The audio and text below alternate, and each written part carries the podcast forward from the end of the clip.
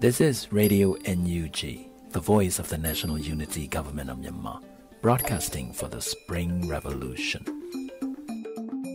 Radio NUG is transmitting from shortwave 16 meter 17.710 MHz daily at 8 a.m. and 25 meter 12 MHz at 8 p.m.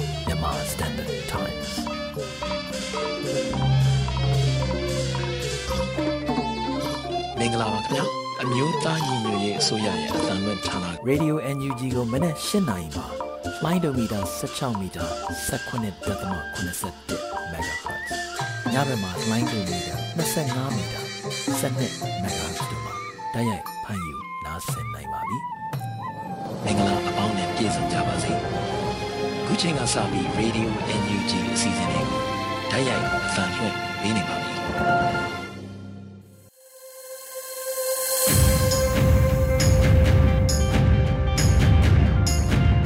န်မာနိုင်ငံသူနိုင်ငံသားအပေါင်းတဘာဝဘေးဆရာနာရှင်ပြီးတော့နေကင်းဝေးပြီးကိုစိတ်နှပါကျမ်းမာလုံးခြုံပေးကင်းကြပါစေလို့ Radio UNG အဖွဲ့သားများကဆုတောင်းမေတ္တာပို့သလိုက်ပါတယ်ရှင်။ခုချိန်ကစပြီး Radio UNG ရဲ့သတင်းအချင်းချုပ်နဲ့သတင်းကောင်းစင်များကိုຫນွေဦးနှင်းစီကတင်ဆက်ပေးသွားမှာဖြစ်ပါတယ်ရှင်။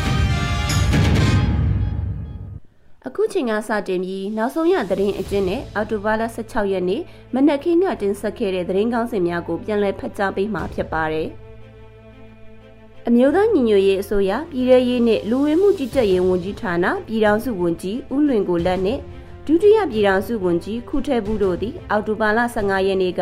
မကွေးတိုင်းဒေသကြီးစောမြို့နယ်ပြည်သူ့အုပ်ချုပ်ရေးအဖွဲ့နဲ့လုပ်ငန်းညှိနှိုင်းအစည်းအဝေးသို့တက်ရောက်ခဲ့ကြပါတယ်။စောမြို့နယ်နှင့် ရောဒေတာဘက်မှဖြစ်ပွားနေသည့်စစ်မဲ့ရေးရာကိစ္စရပ်အခြေအနေများစောမြို့နယ်အတွင်းအာဏာသိမ်းအကြမ်းဖက်စစ်ကောင်စီ၏အုပ်ချုပ်ရေးပြတ်သုံးသွားမှုအခြေအနေစီစဉ်ဆောင်ရွက်ထားတဲ့သည့်ကိစ္စရပ်များ Federal Democracy နိုင်ငံတော်ကြီးကိုတိုင်းရင်းသားအားလုံးနဲ့အတူပူးပေါင်းတည်ဆောက်သွားနိုင်ရေးဆွေးနွေးခဲ့ကြပါတယ်။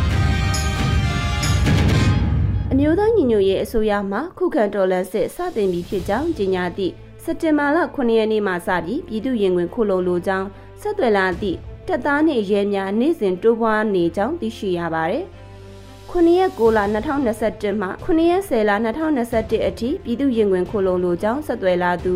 တပ်သား429ဦးနဲ့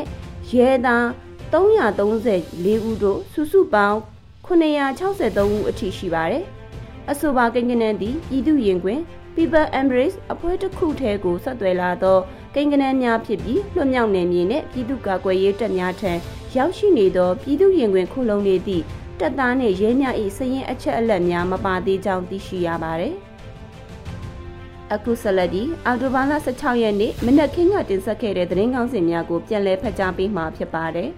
။အိန္ဒိချင်းနိုင်ငံများကိုစန့်ကျင်ပုံကံမြည်လက်နက်ကင်များကိုလက်ခံမည်မဟုတ်ဟု NUG နိုင်ငံခြားရေးဝန်ကြီးထုတ်ပြန်ဒေါ်အောင်ဆန်းစုကြည်နဲ့ဦးဝင်းမြင့်တို့၏ရှေ့နေကြီးဦးခေမောင်စောပြောဆိုခွင့်စစ်ကောင်စီကပိတ်ပင် UN ညီလာခံတွင်တန်အမတ်ကြီးဦးကျော်မိုးထွန်းကလူအခွင့်အရေးကာကွယ်ဆောင်ရှောက်သူများအရေးတင်ပြဆွေးနွေးအမေရိကန်နိုင်ငံခြားရေးဝန်ကြီးနဲ့ဘရူနိုင်းနိုင်ငံဒုနိုင်ငံခြားရေးဝန်ကြီးမြန်မာနိုင်ငံအရေးဆွေးနွေး အာဆီယံနိုင်ငံခြားရေးဝန်ကြီးများမြန်မာအရေးအရေးပေါ်ဆွေးနွေးရန်ပြင်ဆင်မြန်မာနိုင်ငံတဝန်းအာဏာရှင်စန့်ကျင်ရေးလူထုဆန္ဒပြပွဲများဆက်လက်ဆင်နွှဲနေအထွေထွေအုပ်ချုပ်ရေးဦးစီးဌာနစီရီယံဝန်ထမ်းများအုပ်ချုပ်မှုကော်မတီဖွဲ့စည်းကြောင်းကြေညာခြင်း UNG ဒုတိယဝန်ကြီးခုထဲဘူးစကိုင်းတိုင်းအတွင်းရှိမြို့နယ်ပြည်သူ့အုပ်ချုပ်ရေးအဖွဲ့များ မြို့နယ်လုံခြုံရေးအဖွဲ့များနဲ့လုပ်ငန်းညှိနှိုင်းအစည်းအဝေးကျင်းပပြုလုပ်တလအတွင်းအာလူတပိတ်တာစီတထောင်ချက်ကျော်အထိမြင့်တက်လာမုံရွာမြို့မှာအော်တိုဘာလ14ရက်နေ့မှာလူငယ်၄ဦးဖမ်းဆီးခံရမျိုးသား2ဦးအပါအဝင်အမျိုးသမီး2ဦးကြီးထိမယ်။မုံရွာမြို့မှာလူမသိသူမသိဖမ်းဆီးခံရသူများရှိလား။ကချင်စစ်ပေးရှောင်စခန်းများတွင် COVID-19 အတည်ပြုလူနာ ပိုးတိုးလာသဖြင့်စာဝတ်နေရေးအလွန်ခက်ခဲလားစသည်တို့ဖြစ်ပါတယ်ကျွန်မຫນွေဦးမြင်းစီပါ။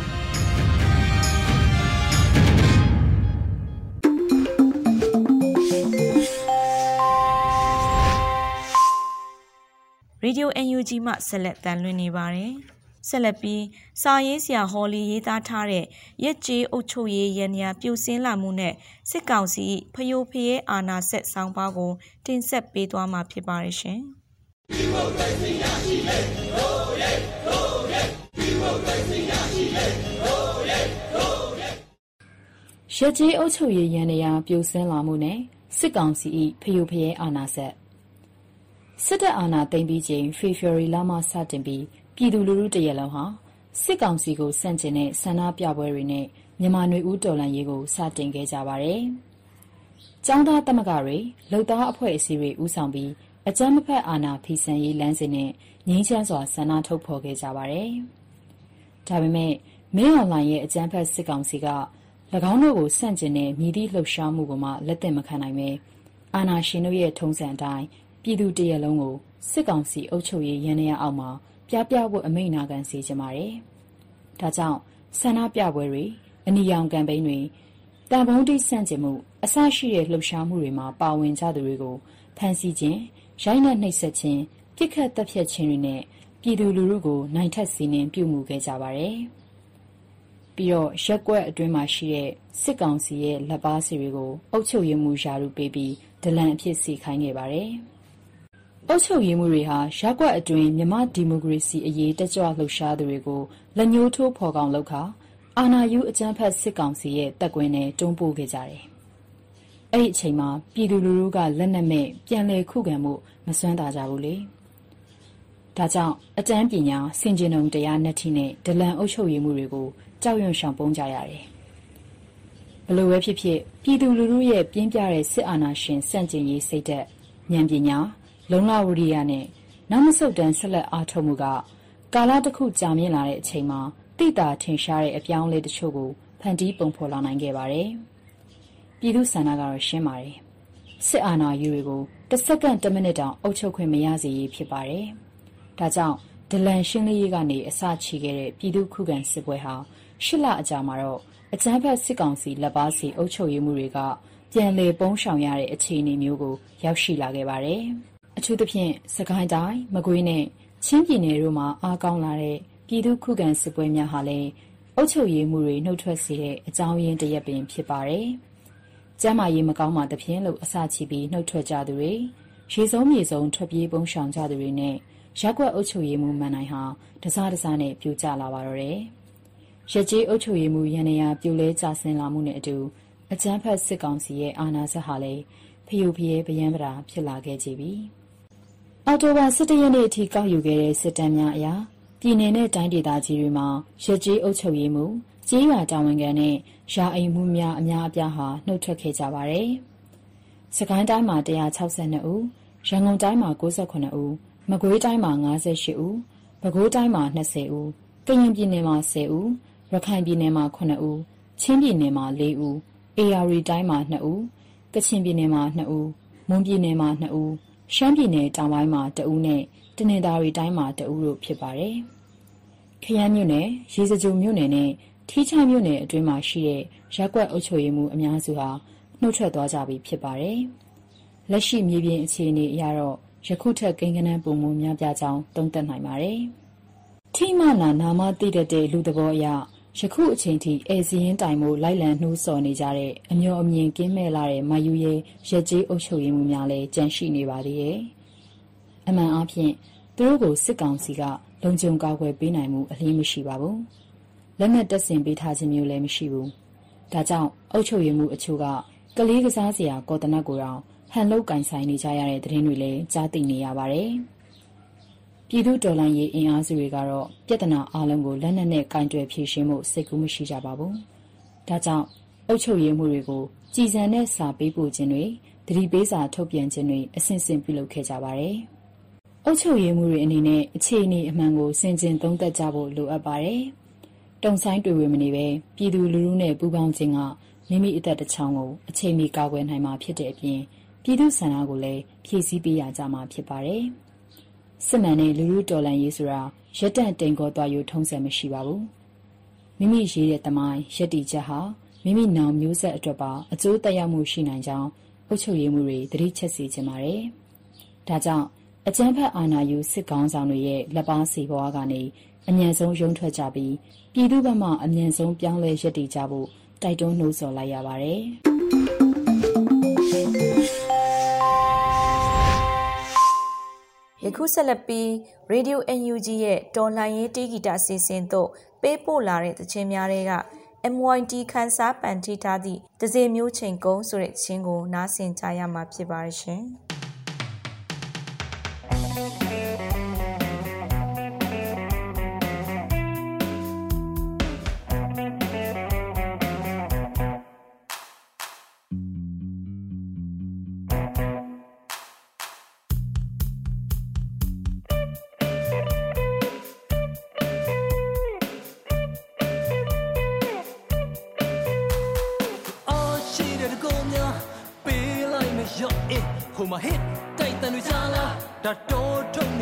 ဝါဘဝဆောင်တီညံပွမ်းမဲ့ကိုနဲ့မင်းတို့တွေတန်တဲ့ဖြစ်ပါစေစင်မြူတဲ့ရာဒီဆိုတဲ့လဲမစင်ပဲအမြင့်ဆက်လမဲဒါနာနာနာနာဒါနာနာနာနာဒါနာနာနာနာဒါနာနာနာနာတော့ကြအောင်ငမ်းမရရင် ထားနေဘလူကြီးစန္ဒအမိုက်ကိုဖြည့်တဲ့ယုံညံ့သူမင်းတွေအမှန်တရားကခန္ဓာစတဲ့ရင်အသာဆိုးများပဲရှားပေးနေတယ်ရာသွင်းတဲ့ဖန်တီးချက်စင်မြူလဲတရေကောင်းတွေဆဲ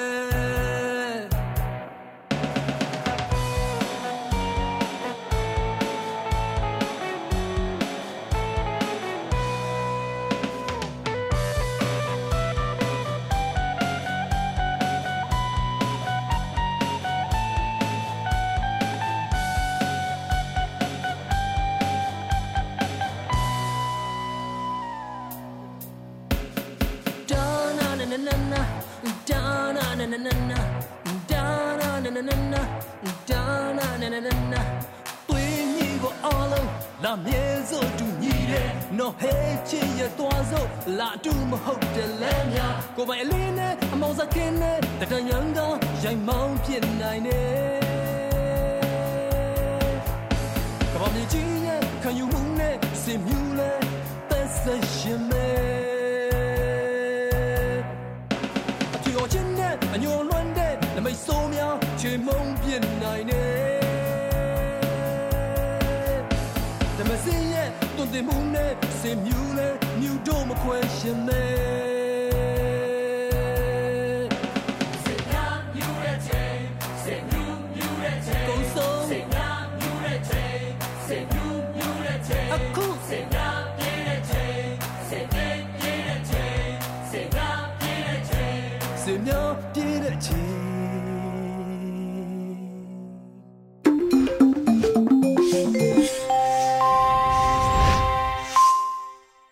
ရှင်မဲရေဒီယို UNG မှဆက်လက်အသံလွှင့်နေပါတယ်။ဆက်လက်ပြီးသတင်းလားချင်းလားအစီအစဉ်ကို မြင့်နိုးအေးကတင်ဆက်ပေးသွားမှာဖြစ်ပါတယ်ရှင်။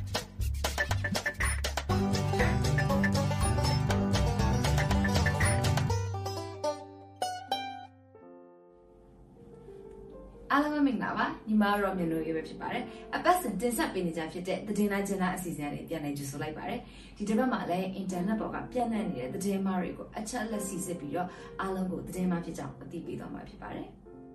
ဒီတစ်ပတ်ပြပြပေးခြင်းတဲ့သတင်းမှားအကြောင်းအရာတွေကတော့နိုင်ငံတော်အတိုင်ပင်ခံပုဂ္ဂိုလ်ဒေါ်အောင်ဆန်းစုကြည်ရဲ့နေအိမ်အတွင်းမှာမြုပ်နှံထားတဲ့ရွှေချောင်းတွေတွေ့တယ်ဆိုပြီးစစ်အုပ်စုဝါဒဖြန့်ချီတဲ့အကောင့်တွေကလိုက်ပြီးတော့ဖြန့်နေတဲ့သတင်းမှာအကြောင်း ဒေါက်တာဇော်ဝေစွန်းနဲ့ဦးရီမွန်တို့ကိုထားရတဲ့ဖွဲ့ကဖန်ရန်ထုတ်တယ်ဆိုပြီးတော့သတင်းစာဖြတ်ပိုင်းပုံစံနဲ့ဖြန့်နေတဲ့သတင်းမှာအကြောင်းရနဲ့ဦးမင်းခွန်နိုင်နဲ့ဒေါက်တာဇော်ဝေဆိုးတို့ရဲ့ Facebook စာမျက်နှာကရေးသားထားသလိုမျိုး Photoshop နဲ့ပြုပြင်ပြီးမြေဦးတော်လန်ရေးကြာဆုံးသွားပြီဖြစ်တယ်ဆိုတဲ့အကြောင်းတွေကိုလောက်ကျန်ရေးသားဝါဒဖြန့်နေတဲ့သတင်းမှာအကြောင်းအရာတွေပဲဖြစ်ပါတယ်။ အရင်ဆုံးပြပြပေးခြင်းတဲ့သတင်းမှအကြောင်းအရာကတော့နိုင်ငံတော်အတိုင်ပင်ခံပုဂ္ဂိုလ်ဒေါ်အောင်ဆန်းစုကြည်ရဲ့နေအိမ်အတွင်းမှာမြုပ်နှံထားတဲ့ရွှေချောင်းတွေတွေ့တယ်ဆိုပြီးစစ်အုပ်စုဝါဒဖြန့်ချီတဲ့အကောင့်တွေကလိုက်လံဖြန့်နေတဲ့သတင်းမှအကြောင်းအရာပဲဖြစ်ပါတယ်။အဲ့ဒီသတင်းမှကိုစစ်အုပ်စုကိုအားပေးထောက်ခံနေကြတဲ့ဝါဒဖြန့် Telegram Channel တွေကနေစတင်ဖြန့်ချီခဲ့တာဖြစ်ပြီးတော့ Facebook စာမျက်နှာတွေအကောင့်တွေကနေတဆင့် group တွေမှာပါထပ်ဆင့်ဖြန့်ဝေခဲ့တာပဲဖြစ်ပါတယ် ဒီအကြောင်းအရာမှာဖော်ပြထားတဲ့ပုံတွေကလည်း internet ပေါ်ကပုံတွေကိုအသုံးပြုထားတာဖြစ်ပြီးတော့ဒေါ်အောင်ဆန်းစုကြည်ရဲ့နေအိမ်မှာရွှေတွေဒေါ်လာတွေတွေ့တယ်ဆိုတာကလည်းလုံးဝကိုမှားယွင်းတဲ့သတင်းပဲဖြစ်ပါတယ်။အကြမ်းဖက်စစ်ကောင်စီကဒေါ်အောင်ဆန်းစုကြည်ကိုလက်စားတယ်ဆိုပြီးအမှုဖွင့်တရားစွဲဆိုခဲ့ပေမဲ့တပ်သိအထောက်အထားလုံးဝမရှိပဲတရားစွဲဆိုထားတဲ့ဖြစ်စဉ်အပေါ်ဖုံးကွယ်ခြင်းတဲ့အတွက်စစ်အုပ်စုဝါဒဖြန့်ချီအကောင့်တွေကဒေါ်အောင်ဆန်းစုကြည်ရဲ့နေအိမ်မှာရွှေတွေဒေါ်လာတွေတွေ့တဲ့အောင်စက်ကြောင်းဖန်တီးပြီးသတင်းမှာဖြန့်ချီခဲ့တာပဲဖြစ်ပါတယ်။ ဒီသတင်းမကိုယုံကြည်တဲ့သူတွေကလည်းစစ်အုပ်စုကိုထောက်ခံတဲ့သူတွေနဲ့အကြမ်းဖက်စစ်တပ်ကမိသားစုဝင်တွေပဲဖြစ်ပါတယ်ရှင်။စစ်ကောင်စီကတပ်သိမရှိပဲဒေါ်အောင်ဆန်းစုကြည်ကိုတရားစွဲဆိုထားတာကိုစစ်တပ်ထောက်ခံသူတွေနဲ့သူတို့ရဲ့မိသားစုဝင်တွေမစင်စားမိအောင်ဒေါ်အောင်ဆန်းစုကြည်ကတကယ်ပဲရွှေတွေဒေါ်လာတွေလက်ယူထားသလိုမျိုးသတင်းမှဖြန့်ပြီးတော့ပုံဖော်ဖန်တီးခဲ့တာပဲဖြစ်ပါတယ်။ဒါကြောင့်ဒေါ်အောင်ဆန်းစုကြည်ရဲ့နေအိမ်မှာရွှေချောင်းတွေနဲ့ဒေါ်လာတွေတွေ့တယ်ဆိုတာကသတင်းအမှားသာဖြစ်ကြောင်းအားလုံးကိုအသိပေးချင်ပါတယ်။ ကဲတက်ထဲကဗီဒီယိုရုံတွေမှာဂျင်းဖုန်းကားတွေကြည့်ပြီးတော့ဒီအောက်ခန်းကြီးထဲမှာစိတ်ကူးရင်ပြီးတော့ရွှေတွေကိုလိုက်မရှာနေကြပါနဲ့ခေါင်းကြီးတို့ခေါင်းကြီးတို့ရဲ့အဘဘူချုပ်ကြီးတွေရဲ့ပိုင်ဆိုင်မှုတွေသူတို့သားသမီးဆွေစဉ်မျိုးဆက်တွေရဲ့စီးပွားရေးလုပ်ငန်းတွေလက်အောက်ငယ်သားတွေကိုကြတော့ငပြောပင်စိုက်ဝက်ချီကြုံခိုင်းပြီးသူတို့ကိုယ်တိုင်ကြသိန်းရာချီတန်တဲ့လက်ကအိတ်တွေနာရီတွေကိုဝတ်ဆင်ထားကြတဲ့ကိုယ့်ရဲ့အဘတွေအဘကတော့မမကြီးတွေအကြောင်းသိရအောင် ကိုယ်တိုင်ပဲအရင်ဆုံးစဉ်းစားကြည့်လိုက်ပါနော်ပြီးရင်တော့တစ်ဖက်ပိတ်ဂျင်းလိုက်ခေါင်းကြီးတွေကနေထွက်ခဲ့လိုက်ကြပါတော့နော်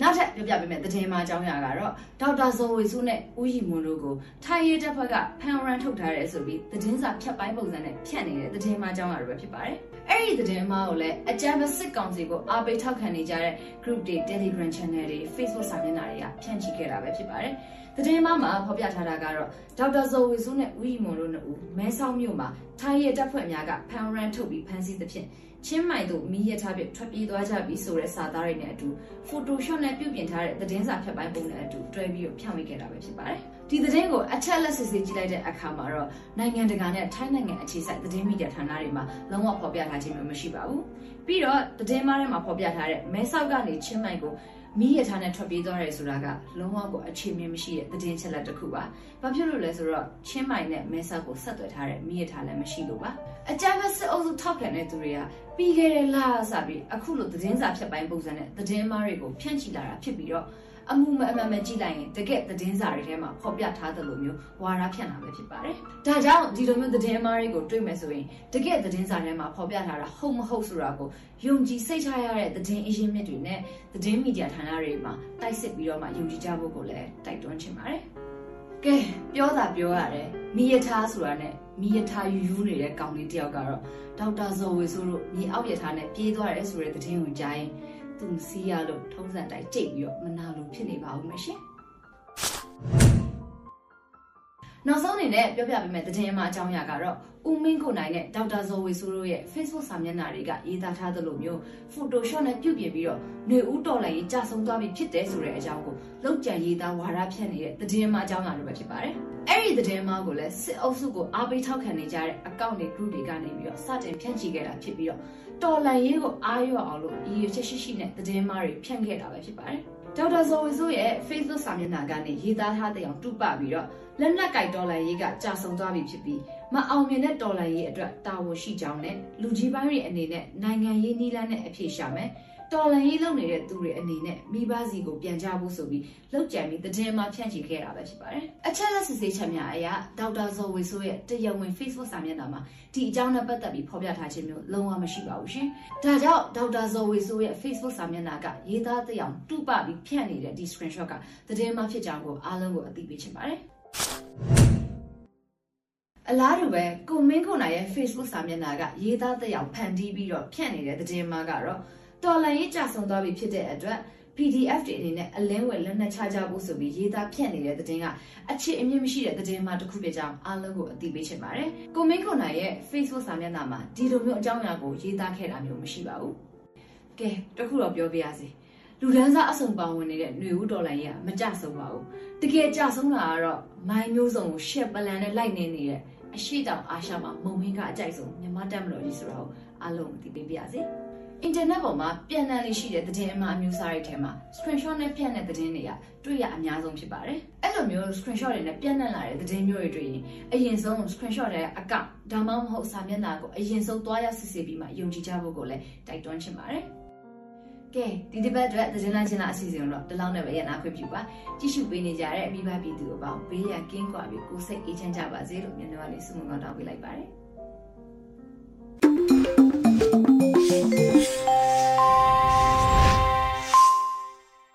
ဆက်လက်ပြီးနေဆက်ဖြတ်ကျော်လို့အားအရင်အမြင့်မိုးမခသတင်းမြင်ကွင်းဆောင်းပါးကိုຫນွေဦးမောင်ကတင်ဆက်ပေးသွားမှာဖြစ်ပါရဲ့ရှင်။ယခုဆက်လက်ပြီးမိုးမခသတင်းမြင်ကွင်းဆောင်းပါးကိုတင်ဆက်ပေးပါမယ်။ကျွန်တော်ကတော့ຫນွေဦးမောင်ပါ။အိန္ဒိယနိုင်ငံများနဲ့ရွှေ့ပြောင်းလာတဲ့မြန်မာလူအားအရင်အမြင့်ဒီနေ့သတင်းတွေထဲမှာတော့ထိုင်းနိုင်ငံကိုခိုးဝင်တဲ့မြန်မာအလုပ်သမားတွေအုပ်စုလိုက်ဖမ်းဆီးရမိတဲ့သတင်းတွေတရုတ်နိုင်ငံရွှေလီဘက်ကနေပြန်လာတဲ့မြန်မာအလုပ်သမားတွေ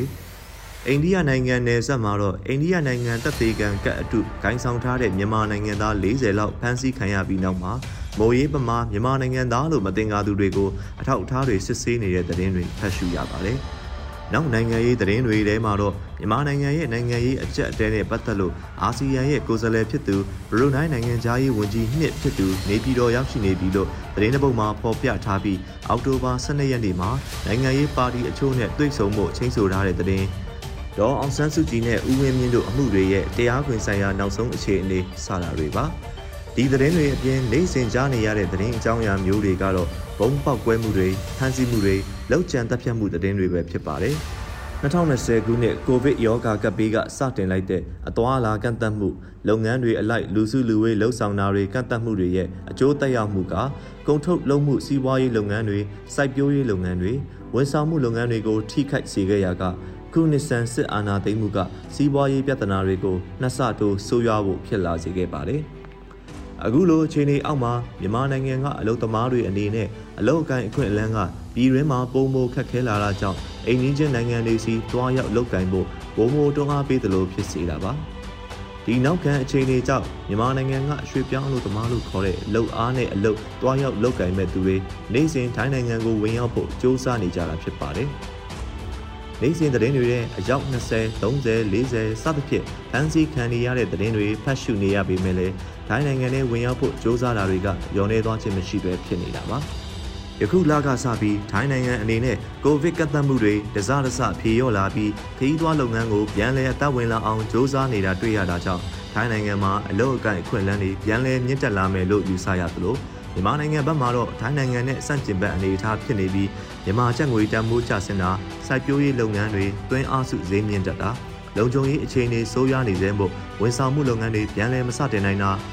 ကိုဗစ်ကန့်သက်ချက်တွေကလည်းတနိုင်ငံလုံးအတိုင်းအတာနဲ့ရှိနေသေးဖြစ်တာတွေကအိန္ဒိယနိုင်ငံမှာအလုတ်သွားလို့ဖို့တွန်းအားပိုဖြစ်စေတာဖြစ်ပါတယ်။အိန္ဒိယနိုင်ငံကိုတရားမဝင်ဝင်ရောက်ဖို့ရမှာလဲအရင်းအနှီးအဖြစ်လူမောင်ခုကူးသူတွေကိုဘတ်2000ကနေ3000အထိမြန်မာငွေနဲ့ဆိုကျပ်12သိန်း18သိန်းဝန်းကျင်ငွေကြေးပေးရတာပါ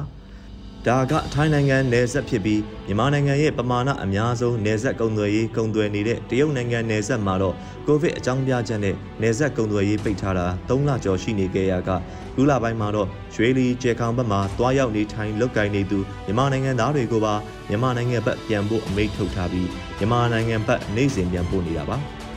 မြန်မာနိုင်ငံရဲ့စိုက်ပျိုးရေးထုတ်ကုန်တွေကိုဝယ်ယူနေခဲ့တဲ့တရုတ်နိုင်ငံဘက်ကနေဆက်ကုန်သွယ်ရေးပိတ်ထားတဲ့အကျိုးတရားမှုဟာလည်း မြန်မာစိုက်ပျိုးရေးနဲ့ရေထွက်ကုန်ပစ္စည်းထုတ်လုပ်သူတွေထိခိုက်စေတာဖြစ်ပါတယ်။အခုလိုတရုတ်နိုင်ငံဘက်ကနေဆက်ကုန်သွယ်ရေးအကန့်အသတ်မရှိပိတ်ဆို့ထားရခြင်းအကြောင်းကကိုဗစ်ကူးစက်မှုအကြောင်းသက်သက်လားသို့မဟုတ်အခြားသောရည်ရွယ်ချက်ရှိပါသလားဆိုတာတဲတဲကွဲကွဲမသိရှိနိုင်ပါဘူး။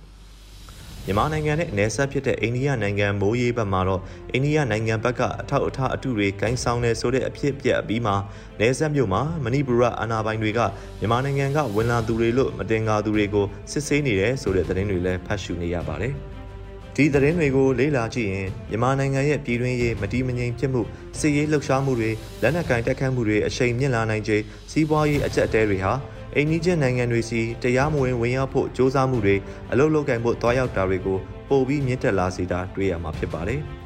မြန်မာနိုင်ငံအရေးဟာသူ့အထီးထီးကြီးဖြစ်ပွားနေတာမဟုတ်ပဲအိန္ဒိချင်းနိုင်ငံတွေဒေသတွင်းနိုင်ငံတွေအပေါ်အနည်းနဲ့အများသက်ရောက်မှုရှိစေနိုင်တာကြောင့်ဒေသတွင်းအာဆီယံအဖွဲ့အနေနဲ့မြန်မာနိုင်ငံအရေးကိုဦးစားပေးဖြည့်ရှင်းနိုင်ဖို့လည်းလိုအပ်နေတာပါခုရပိုင်းအတွင်းမှာအာဆီယံကိုယ်စားလှယ်ဘရူနိုင်းနိုင်ငံသားရေးဝန်ကြီးနှစ်ဖြစ်သူ အီဒဝမ်ယူဆွတ်နေပြည်တော်ရောက်နေပြီဆိုတဲ့သတင်းတွေထွက်ပေါ်နေသလိုပဲအောက်တိုဘာ12ရက်နေ့မှာနိုင်ငံရေးပါတီတွေနဲ့တွေ့မယ်ဆိုတဲ့သတင်းတွေလည်းထွက်ပေါ်နေခဲ့ပါတယ်။ပြီးတော့အစီအစဉ်ပြတ်သွားခဲ့ပါတယ်။ဧပြီလဂျာကာတာမြန်မာအရေးတီးတန့်အစည်းအဝေးမှာသဘောတူခဲ့တဲ့မြန်မာနိုင်ငံအရေးအတွက်အာဆီယံသဘောတူညီမှုမူ၅ချက်ကိုအကောင့်ထဲဖော်ဖို့ပထမဆုံးလာရောက်တဲ့ခရီးစဉ်လည်းဖြစ်ပါတယ်။ ဧပြီလအကုန်ကလေးကသဘောတူညီခဲ့တဲ့မူ၅ချက်ကိုအကောင့်ထဲဖော်နိုင်ဖို့ကိုယ်စားလှယ်တာဝန်ပေးရခြင်းခံရသူအနေနဲ့၅လကြာပြီးနောက်မှာမှမြန်မာနိုင်ငံကိုလာရောက်နိုင်တာဖြစ်ပါတယ်။မလာရောက်ခင်မှာကိုယ်စားလှယ်ဖြစ်သူလာရောက်စဉ်မှာဒေါ်အောင်ဆန်းစုကြည်နဲ့တွေ့ခွင့်ရဖို့တောင်းဆိုမှုကိုလည်းစစ်ကောင်စီဘက်ကညှင်းဆိုနေခဲ့တာကြောင့်ခရီးစဉ်ကပိုကြန့်ကြာနေခဲ့တာလို့ယူဆရပါတယ်။စက်တင်ဘာ9ရက်နေ့မှာ NUG အစိုးရကဒေါ်လာရေးအချိန်မြင့်ဖို့ကြေညာခဲ့ပြီးနောက် တလကျော်အကြာမှာအာဆီယံကိုယ်စားလှယ်ဖြစ်သူလာရောက်ခဲ့တာဖြစ်ပြီးအာဆီယံအနေနဲ့မြန်မာနိုင်ငံရဲ့နိုင်ငံရေးအကြက်တဲကိုဘလောက်အတိုင်းအတာအထိ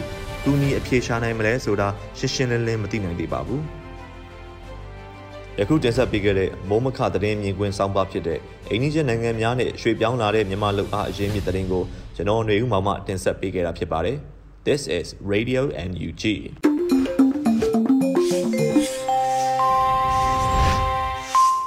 တ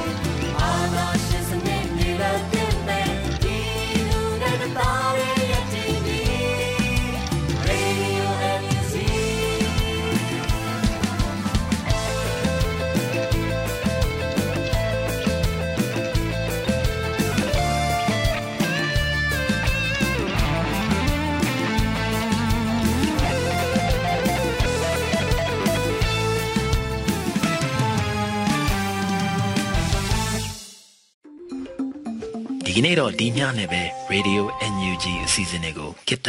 ရန်နာလိုက်ပါမယ်မြန်မာစံတော်ချိန်မနေ့၈နာရီညနေ၈နာရီတို့မှာပြန်လည်တွေ့ဆုံကြပါစို့ Radio NUG ကိုမနေ့၈နာရီမှာလိုင်းဒိုမီတာ16မီတာ19.87 MHz ညဘက်မှာလိုင်းဒိုမီတာ25မီတာ12 MHz တို့မှာတိုက်ရိုက်ဖမ်းယူနားဆင်နိုင်ပါပြီမြန်မာနိုင်ငံသူနိုင်ငံသားများ ကိုယ်စိတ်နှပြချမ်းမာချမ်းသာလို့ဘေးကင်းလုံခြုံကြပါစေလို့ Radio NUG အဖွဲ့သူအဖွဲ့သားများဆုတောင်းပေးလိုက်ပါတယ်အမျိုးသားညီညွတ်ရေးအစိုးရရဲ့ဆက်သွယ်ရေးသတင်းအချက်အလက်နဲ့ဤပညာဝန်ကြီးဌာနကထုတ်လွှင့်နေတဲ့ Radio NUG ဖြစ်ပါတယ် San Francisco Bay Area ခြေဆိုင်မြန်မာမိသားစုများနဲ့နိုင်ငံတကာကစေတနာရှင်များလှူအားပေးများရဲ့ Radio NUG ဖြစ်ပါတယ်အရေးတော်ပုံအောင်ရမည်